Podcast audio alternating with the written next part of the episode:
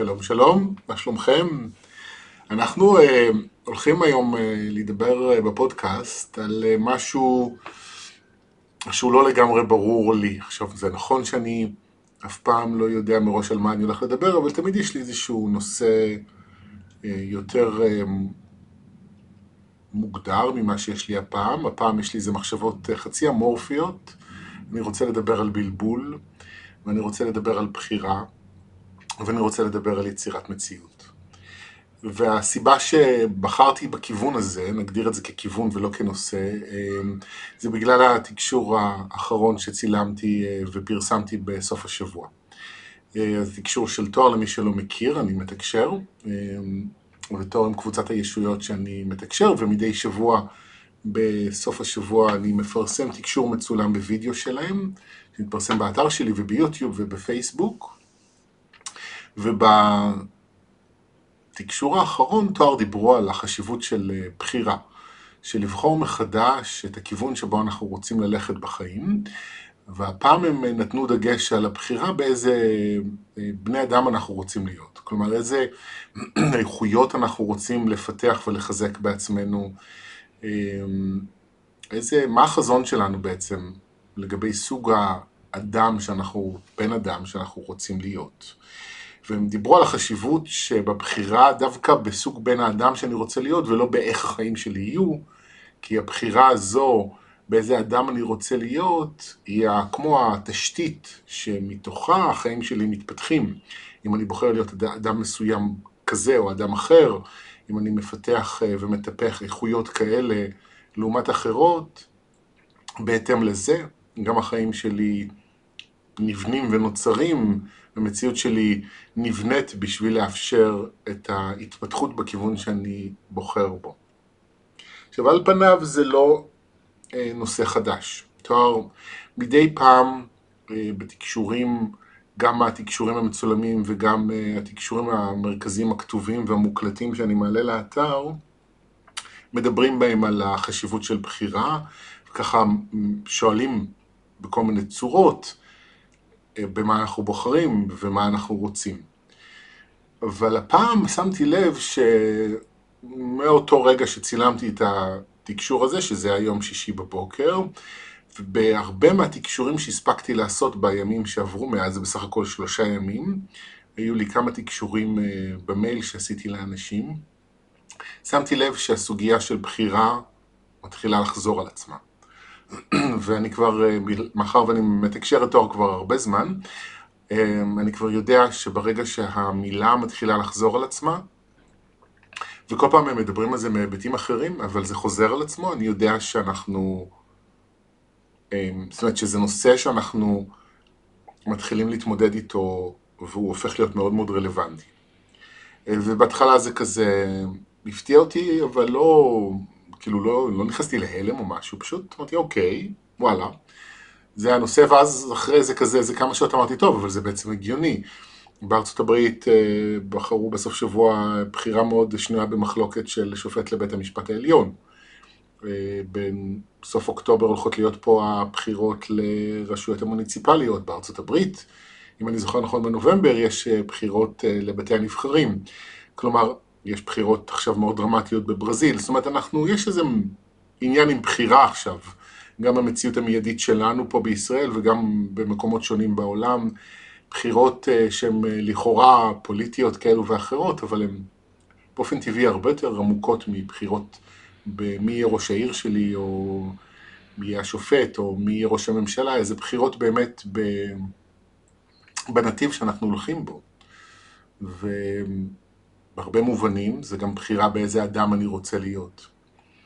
אמ, אז זהו, אז זה הרקע לסיבה שבגללה בחרתי לדבר על הנושא הזה הפעם בפודקאסט, ובואו נראה מה יש לי להגיד, כי אני לא באמת יודע מה אני רוצה להגיד, אני אמ, כן רוצה אולי, אני כן יודע, אני רוצה להתחיל רגע ולדבר על בלבול, שזה נושא אמ, או חוויה מנטלית, אני מגדיר בלבול כחוויה מנטלית ולא כרגש, כי זה מצב שהמיינד שלנו מתער...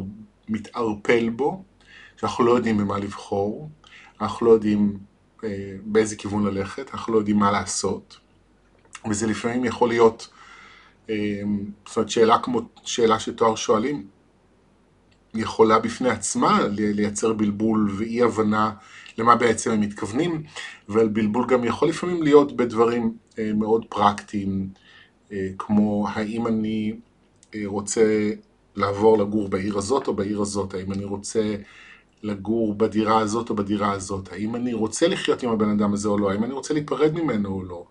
אמ, הבלבול יכול אה, להופיע בהיבטים שונים של החיים, אה, קטנים וגדולים.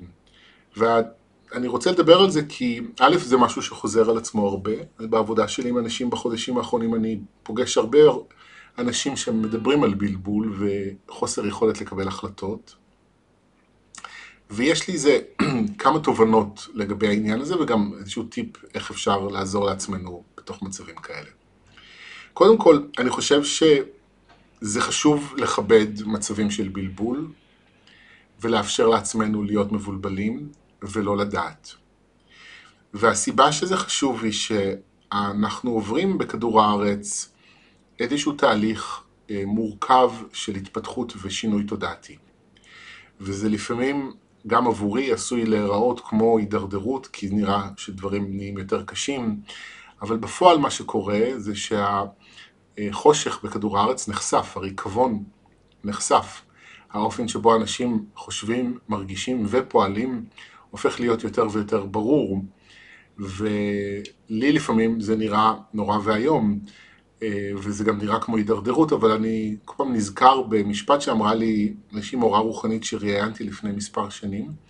אני לא לגמרי בטוח מי זאת הייתה, אז אני לא אומר את השם, אבל המשפט, היא אמרה לי, דיברתי איתה בדיוק על הנקודה הזו, והיא אמרה לי שאנחנו, בשביל לעשות שינוי, אנחנו חייבים לדעת ממה אנחנו נפרדים, את מה אנחנו בעצם רוצים לשנות. אנחנו חייבים to face, להתמודד פנים מול פנים, לפגוש פנים מול פנים את הדבר שאותו אנחנו רוצים לשנות, כדי שנדע, נכיר אותו. והמשפט הזה כל פעם אני חוזר אליו כי אומר נכון, אני חייב להבין מה הריקבון שנגיד קיים במערכת המשפטית או הפוליטית או החברתית, בשביל לדעת איזה שינוי צריך לעשות.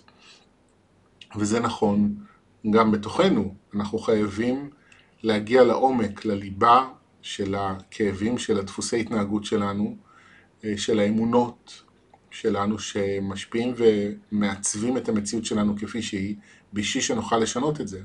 לפעמים נראה שאנחנו מידרדרים, כי לפעמים נראה שאנחנו אה, הולכים אחורה, שמה שקורה לנו אה, הוא רק נהיה יותר קשה ויותר קשה, ואנחנו לא מצליחים לשמר הצלחה או שפע או התנהגות מסוימת שעבדנו מאוד קשה בשביל לשמר אותה, אבל הסיבה שאנחנו לא מצליחים, אנחנו כאילו חוזרים אחורה, זה כי השינוי שיצרנו עדיין לא יציב, יש עדיין יסודות לא רגשיים, לא יציבים בפנים, והכוונה בלא יציבים זה אומר שיש עדיין אה, זיכרונות כואבים וכאבים ואמונות שמדברים אחרת מהאנרגיה החדשה שאנחנו יוצרים בתוך עצמנו, ואנחנו חוזרים אחורה, כאילו המציאות משתנה לרעה וההתנהגות לכאורה מידרדרת, כדי לחזור לטפל מהיסוד מחדש באותם האמונות, באותם הרגשות, באותם הזיכרונות שאנחנו עושים בתוכנו.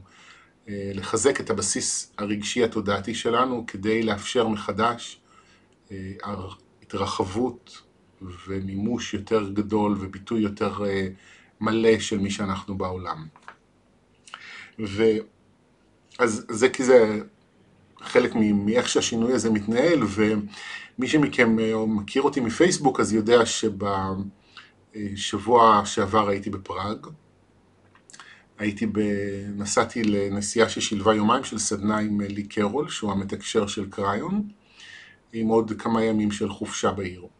אני מאוד אוהב את אה, לי קרול, הייתי בכל הסדנאות והסמינרים שהוא העביר בישראל, מאז שהוא הגיע לפה פעם ראשונה בשנת 2000. ונסעתי כי הפעם הרגשתי שאני ממש צריך את הליטוף והעידוד הזה ללב, למקום החסר אמונה בתוכי. אחד הדברים אה, המעניינים שהם דיברו עליו שם בסדנה, ואני אנסה קצת להסביר את זה, אני לא זוכר את כל הפרטים, אבל אני אסביר את העיקרון. אנחנו כולנו יודעים שכדור הארץ מסתובב סביב השמש, ומערכת השמש היא חלק מאיזושהי גלקסיה שאני את שמה לא זוכר, והגלקסיה הזאת היא חלק משביל החלב. מה שהם דיברו עליו, שגם, אני לא זוכר אם זה הגלקסיה או הגלקסיה, הגלקסיה או שביל החלב כולו, אבל אחד מהם, לא משנה מה, נמצא גם הוא בתנועה. איזושהי תנועה סיבובית סביב איזושהי נקודת מרכז מסוימת, שמה היא בדיוק אני לא זוכר. אם אה, כדור הארץ מקיף את השמש בפרק זמן של שנה, פרק הזמן שלוקח לגלקסיה להקיף את אותה נקודת אמצע בחלל, היא משהו בסדר גודל של מיליארדים על מיליארדים של שנים. זאת אומרת, זאת, זה סיבוב שהחל הרבה לפני שהאנושות נוצרה, והוא בעצם יסתיים הרבה אחרי שהאנושות הזאת כבר, שלנו כבר לא תהיה. אז מה שקראן דיבר עליו זה שאנחנו נכנסים, כדור הארץ, מערכת השמש, הגלקסיה שאנחנו נמצאים בתוכה, אנחנו נכנסים לאיזשהו אה, חלק בחלל, ביקום, שמעולם לא היינו בו כאמור, אנחנו, זאת אומרת אנחנו בני אדם, וזה אזור שיש בו קרינה של אור הרבה יותר חזקה מכל מה שאנחנו מכירים. ואם אתם יודעים מי זה קריין ומכירים קצת את התקשורים שלו, אז אתם יודעים שקריין הוא עוסק בר, ברשת המגנטית של כדור הארץ, הסיבה שהוא החל לתקשר והגיע לכדור הארץ היא כדי לעזור לשנות את הרשת המגנטית של כדור הארץ, והם הסבירו שהסיבה שקריין עשה את כל מה שהוא עשה, שהוא תהליך שהחל ב-89 והסתיים ב-2002, זה להכין מבחינה מגנטית את כדור הארץ לקליטה של האור החדש שהולך להגיע אלינו מהיקום, אור שלנו כבני אדם אמור לעזור להתבגרות הרוחנית שלנו. והאור הזה שכבר מתחיל להיכנס, לפחות עד כמה שאני מבין, מתחיל לחשוף יותר ויותר את מי שאנחנו, את המקומות הפגועים והחלשים, והוא מחייב אותנו להשתנות. הוא מחייב אותנו ללמוד אחרת, לראות דברים אחרת, אה, להרגיש אחרת, לקחת יותר אחריות על מי שאנחנו, להסתכל על, על דברים בצורה שונה ממה שאנחנו רגילים אליה. כל זה, עכשיו אני חוזר מתוך כל זה לעניין של בלבול. אז אמרתי מקודם שחשוב לכבד את, עצ... את הבלבול שאנחנו נמצאים בו, ואחת הסיבות שאנחנו נמצאים במצבים של בלבול, היא משום שאנחנו צריכים להשתנות. אנחנו רגילים לקבל החלטות לפי אה, נקודת מבט מסוימת, אנחנו רגילים לראות את עצמנו לפי אה, נקודת מבט מסוימת, מה טוב לי, מה לא טוב לי, מה נכון לי, מה לא נכון לי. אני רגיל להרגיש את עצמי בצורה מסוימת, לחשוב מה נכון לי בצורה מסוימת, ופתאום אני עומד בתוך מציאות שבה זה כבר לא עובד לי. פתאום אני מרגיש דברים אחרים, פתאום אני רוצה דברים אחרים, פתאום יש אפשרויות שפעם לא עניינו אותי, שפתאום נראות לי מעניינות, וזה יכול להיות פתאום, פתאום בא לי לגור במקום שתמיד לא אהבתי, פתאום בא לי לאכול דברים שאף פעם לא רציתי לאכול, פתאום בא לי לעשות דברים שפעם לא עניינו אותי לעשות, או להפך. פתאום יש מאכלים שלא בא לי לאכול, מה שאני עושה למחייתי פתאום מפסיק לעניין אותי, אמ, המקום שאני גר בו פתאום מעורר אצלי אנטי. אה, האנשים שנמצאים אצלי בחיים, פתאום אני לא מתחבר יותר לאנשים שהיה לי חיבור איתם, או לחילופין מוצא שפה משותפת עם אנשים שלא היה לי איתם שפה משותפת עד היום. והשינוי הזה, שהוא חלק מהאופן שבו השינוי הגדול הזה בא לידי ביטוי ביומיום שלנו, יכול מאוד לבלבל. יכול לשים אותי במקום של אוקיי, אז מי אני בעצם? מי זה שחר? ומה אני עושה עם עצמי? מה אני עושה עם החיים האלה? ואיך אני מקבל החלטות? מה אני יודע בכלל? זה יכול להיות גם מבלבל, וזה יכול להיות גם מפחיד. זה יכול להיות מפחיד, כי אני פתאום לא מכיר את עצמי, ואני לא יודע איך להחליט החלטות ואיך לנתב את החיים שלי. אז אם אתם נמצאים במצב כזה, קודם כל חשוב לכבד את זה. זה אומר להסכים לפחד, וזה אומר להסכים לא לדעת. בואו נהיה מבולבלים ולא נדע ולא נחליט. רוב הפעמים, ברוב המצבים, אין לנו באמת דדליין. הלחץ שאני חייב להחליט ולדעת, הוא ברוב המקרים, הוא לחץ פנימי בלבד. נכון, יש מקרים שבהם אני צריך לקבל החלטה.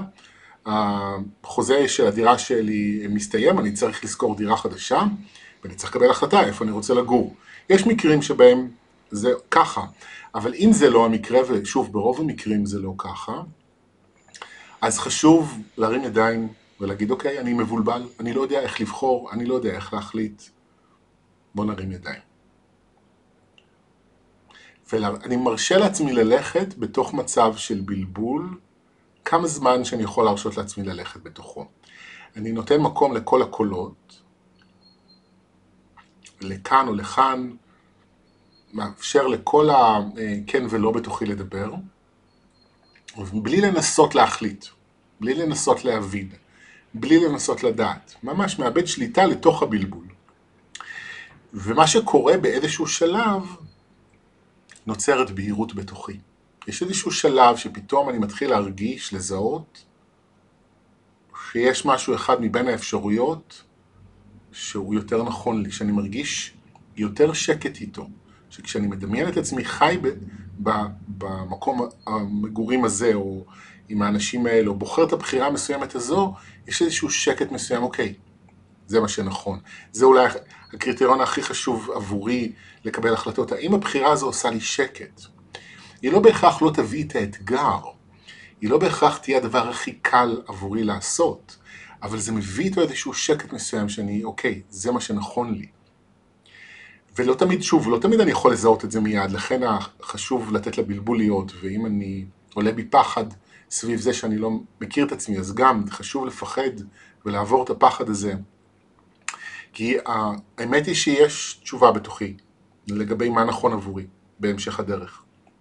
ובשביל לשמוע את התשובה הזו, אני צריך לעבור את הבלבול, את הפחד, ולהתחבר למקום הזה בתוכי, וכמו שאמרתי מקודם, הכלי הזה של השקט עוזר לי אה, להחליט, עוזר לי לדעת אה, מה נכון עבורי. עכשיו תואר, באחד התקשורים שעשיתי איתם במייל בסוף השבוע, בתחילת שבוע, הם בדיוק דיברו עם מישהי על הבלבול שלה, והם נתנו איזשהו אה, טיפ חדש שאני לא מכיר ולא לא יישמתי אותו עד היום, אבל אני מספר לכם כי אולי זה יתחבר גם אליכם. הם אמרו לה שכשהיא מתבלבלת ולא יודעת במה לבחור, שתדמיין איך, איך החיים שלה נראים כשהיא בוחרת במשהו אחד, ואחר כך שתדמיין איך החיים שלה נראים כשהיא בוחרת במשהו שני. והם הציעו לה לשים לב היכן יש יותר רכות ויותר עדינות. באיזה מהתסריטים שהיא מדמיינת מתממשים. זו ההצעה. זה כזה מאוד הפתיע אותי, זה מעניין. אני אנסה ליישם את זה במצבים, אה, במצבים שונים שאני אגיע אליהם, איפה יש יותר רכות ועדינות.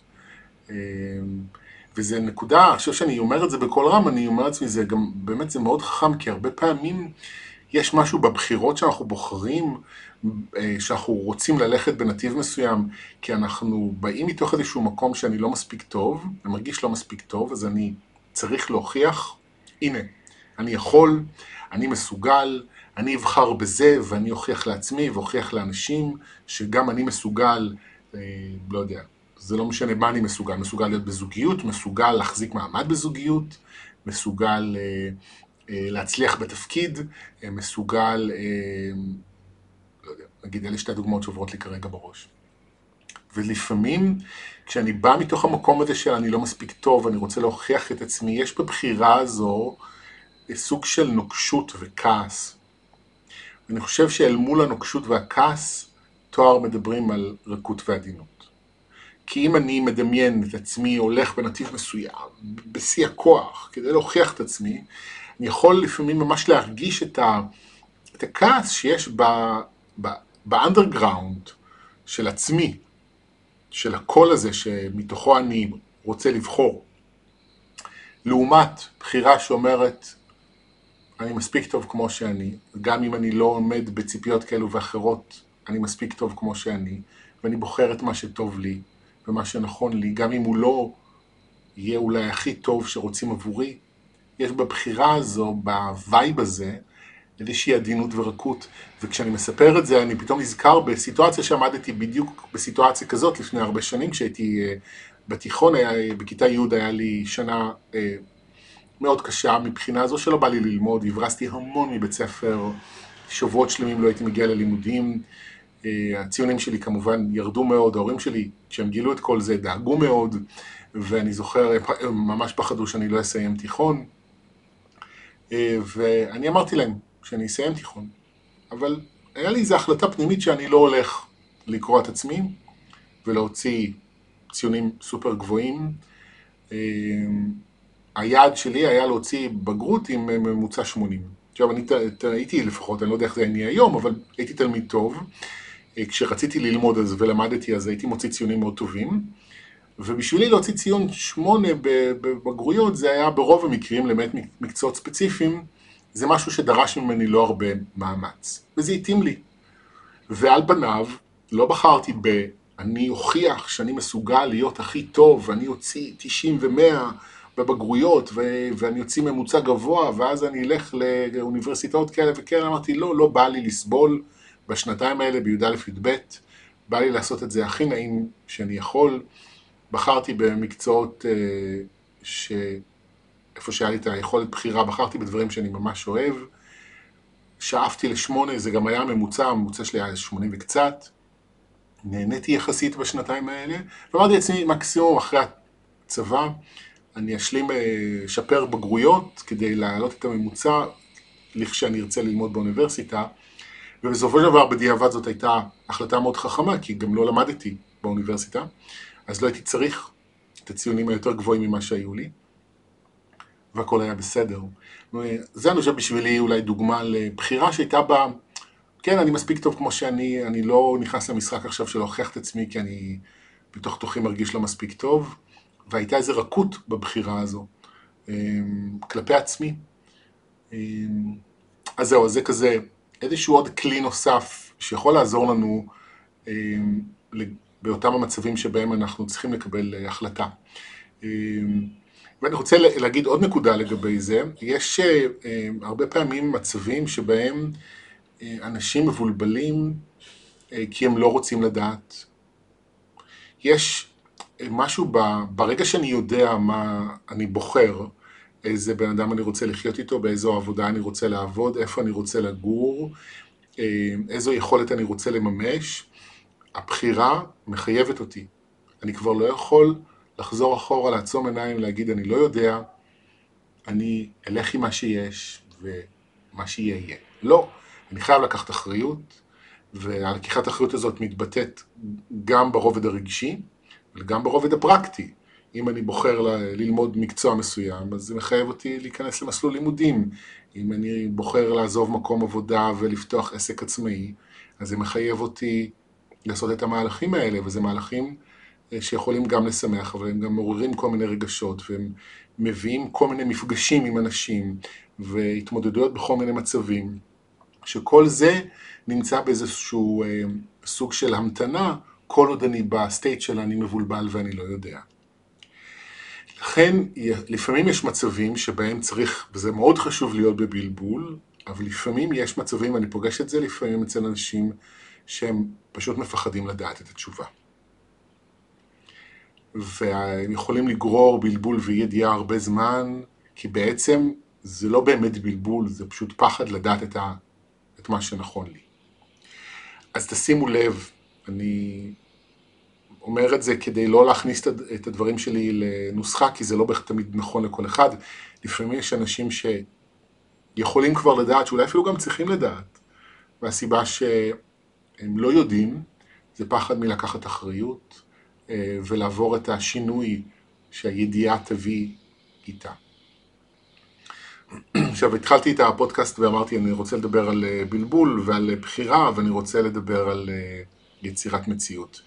והעניין עם יצירת מציאות זה, זה סוגיה שככה מתחדדת לי ב, בימים האחרונים. אני לא זוכר אם היה איזשהו טריגר ספציפי או לא, אבל הרי אנחנו לומדים מגיל מאוד צעיר לשים לעצמנו מטרות ויעדים.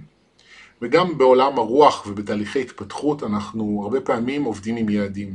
אני רוצה להגשים חלום מסוים, אני רוצה ליצור מציאות מסוימת, אני רוצה לברוא מציאות כזאת וכזאת, וזה לא משנה, אני רוצה ליצור מציאות של שפע כלכלי, אני רוצה ליצור עבודה שבה אני אהנה וארוויח הרבה כסף, אני רוצה ליצור את הזוגיות שמתאימה לי, אני רוצה ליצור לעצמי את הדירה שבה אני ארגיש הכי מרווח ונינוח,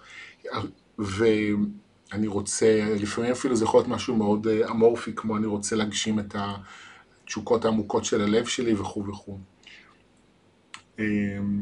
ויש לזה כמובן חשיבות מאוד גדולה, שאנחנו בוחרים את הבחירות האלה. אנחנו בעלי הבית ואנחנו אמורים להתקדם ולהתפתח ולגלות מה אנחנו רוצים ולממש את זה. אבל הרבה פעמים מה שאנחנו שוכחים זה שיש עוד פקטור בכל המציאות הזו שצריך לקחת בחשבון. וזה שהנשמות שאנחנו אה, באים מהן, החליטו, אה, כמו כל הקיום כולו, להיות בתהליך התפתחות. והסיבה שנשמה נכנסת לגוף ואנחנו הופכים להיות בני אדם, היא כדי לעבור תהליך התפתחות. ומה שקורה לנו בחיים, הוא בראש ובראשונה נועד לאפשר את המימוש וההגשמה של המטרה הנשמתית והיא התפתחות. וזו הסיבה העיקרית שבגללה אנחנו פה. כל שאר הסיבות או המטרות הן נגזרות של זה.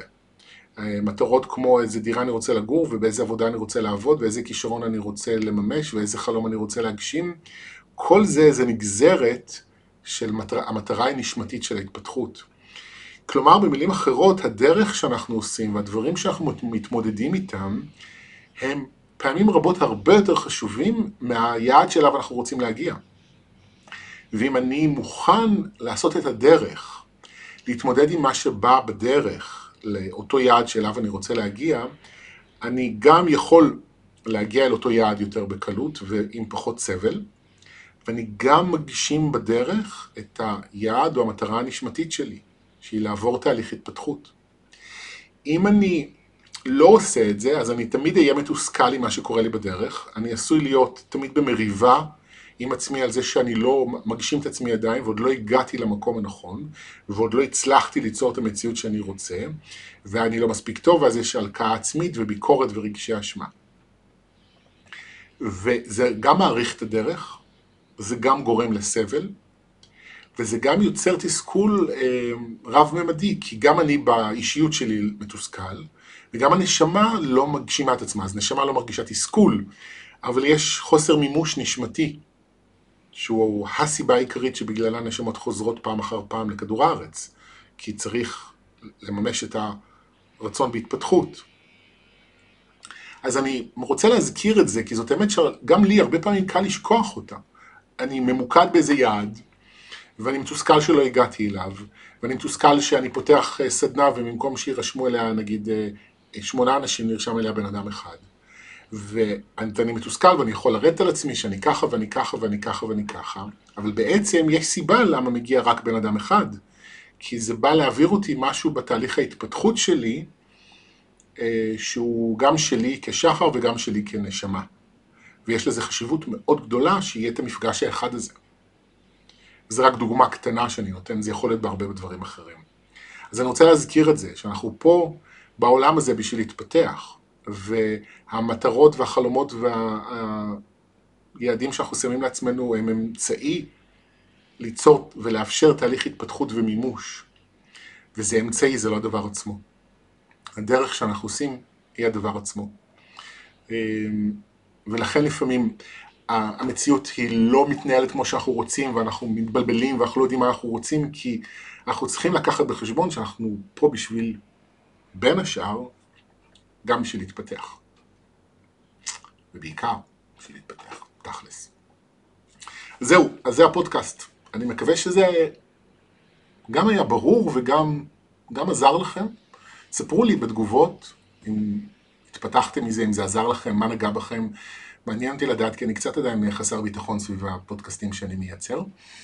אה, זהו, ואם אתם רוצים להכיר, לקרוא עוד, אתם מוזמנים להיכנס לגוגל, לכתוב טוהר, ותגיעו לאתר שלי, או בפייסבוק, תואר שחר בן פורת, או ביוטיוב, תואר שחר בן פורת. אני מספר את כל האופציות, כי אני לא יודע באיזו פלטפורמה אתם מקשיבים לי. זהו, תודה שהקשבתם, ושיהיה לנו שבוע טוב. ביי ביי.